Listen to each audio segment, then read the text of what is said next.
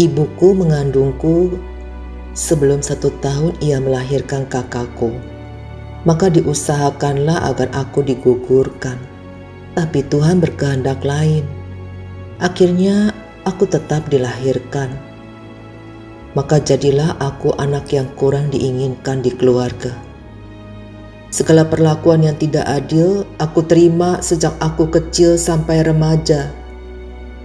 Kakakku selalu dimanja Segala kebutuhannya selalu dipenuhi dengan cepat, berbeda dengan aku.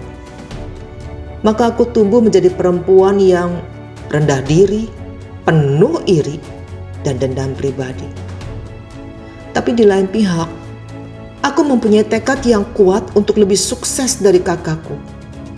Biar orang tuaku tahu bahwa mereka salah dalam menentukan princess dalam keluarga. Itu pikirku melalui berbagai perjalanan dan lika-liku kehidupan, menjadikan aku tegar dan kuat dalam berbagai pencobaan. Bersyukurlah ketika aku mulai meraih kesuksesan, bersamaan dengan itu Tuhan jamah hati dan hidupku.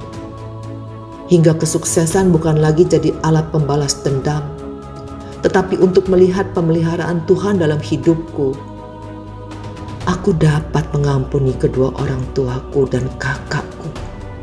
Karena Tuhan terlebih dulu telah mengampuniku.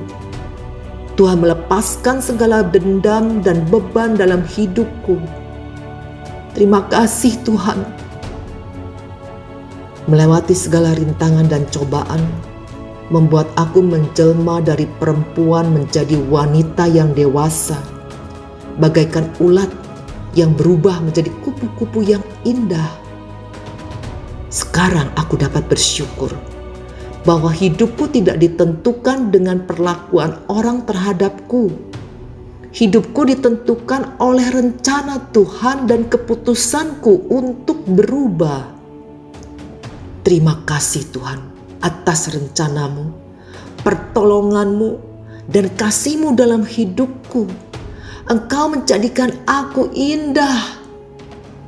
Segala tempaan dalam kehidupan telah mengubahkan aku dari perempuan penuh penderitaan, pikirku pada saat itu, menjadi wanita penuh kebijaksanaan di saat ini. Aku menikmati kesuksesan dalam karir sebagai istri, ibu rumah tangga, dan keluargaku. Satu hal yang ku yakin, semua boleh terjadi karena pertolongan Tuhan. Seperti yang tertulis dalam kejadian bab 50 ayat 20. Orang lain bisa mereka-rekakan yang jahat terhadap aku. Tetapi Allah telah mereka-rekakannya untuk menjadi kebaikan dalam kehidupanku. Amin.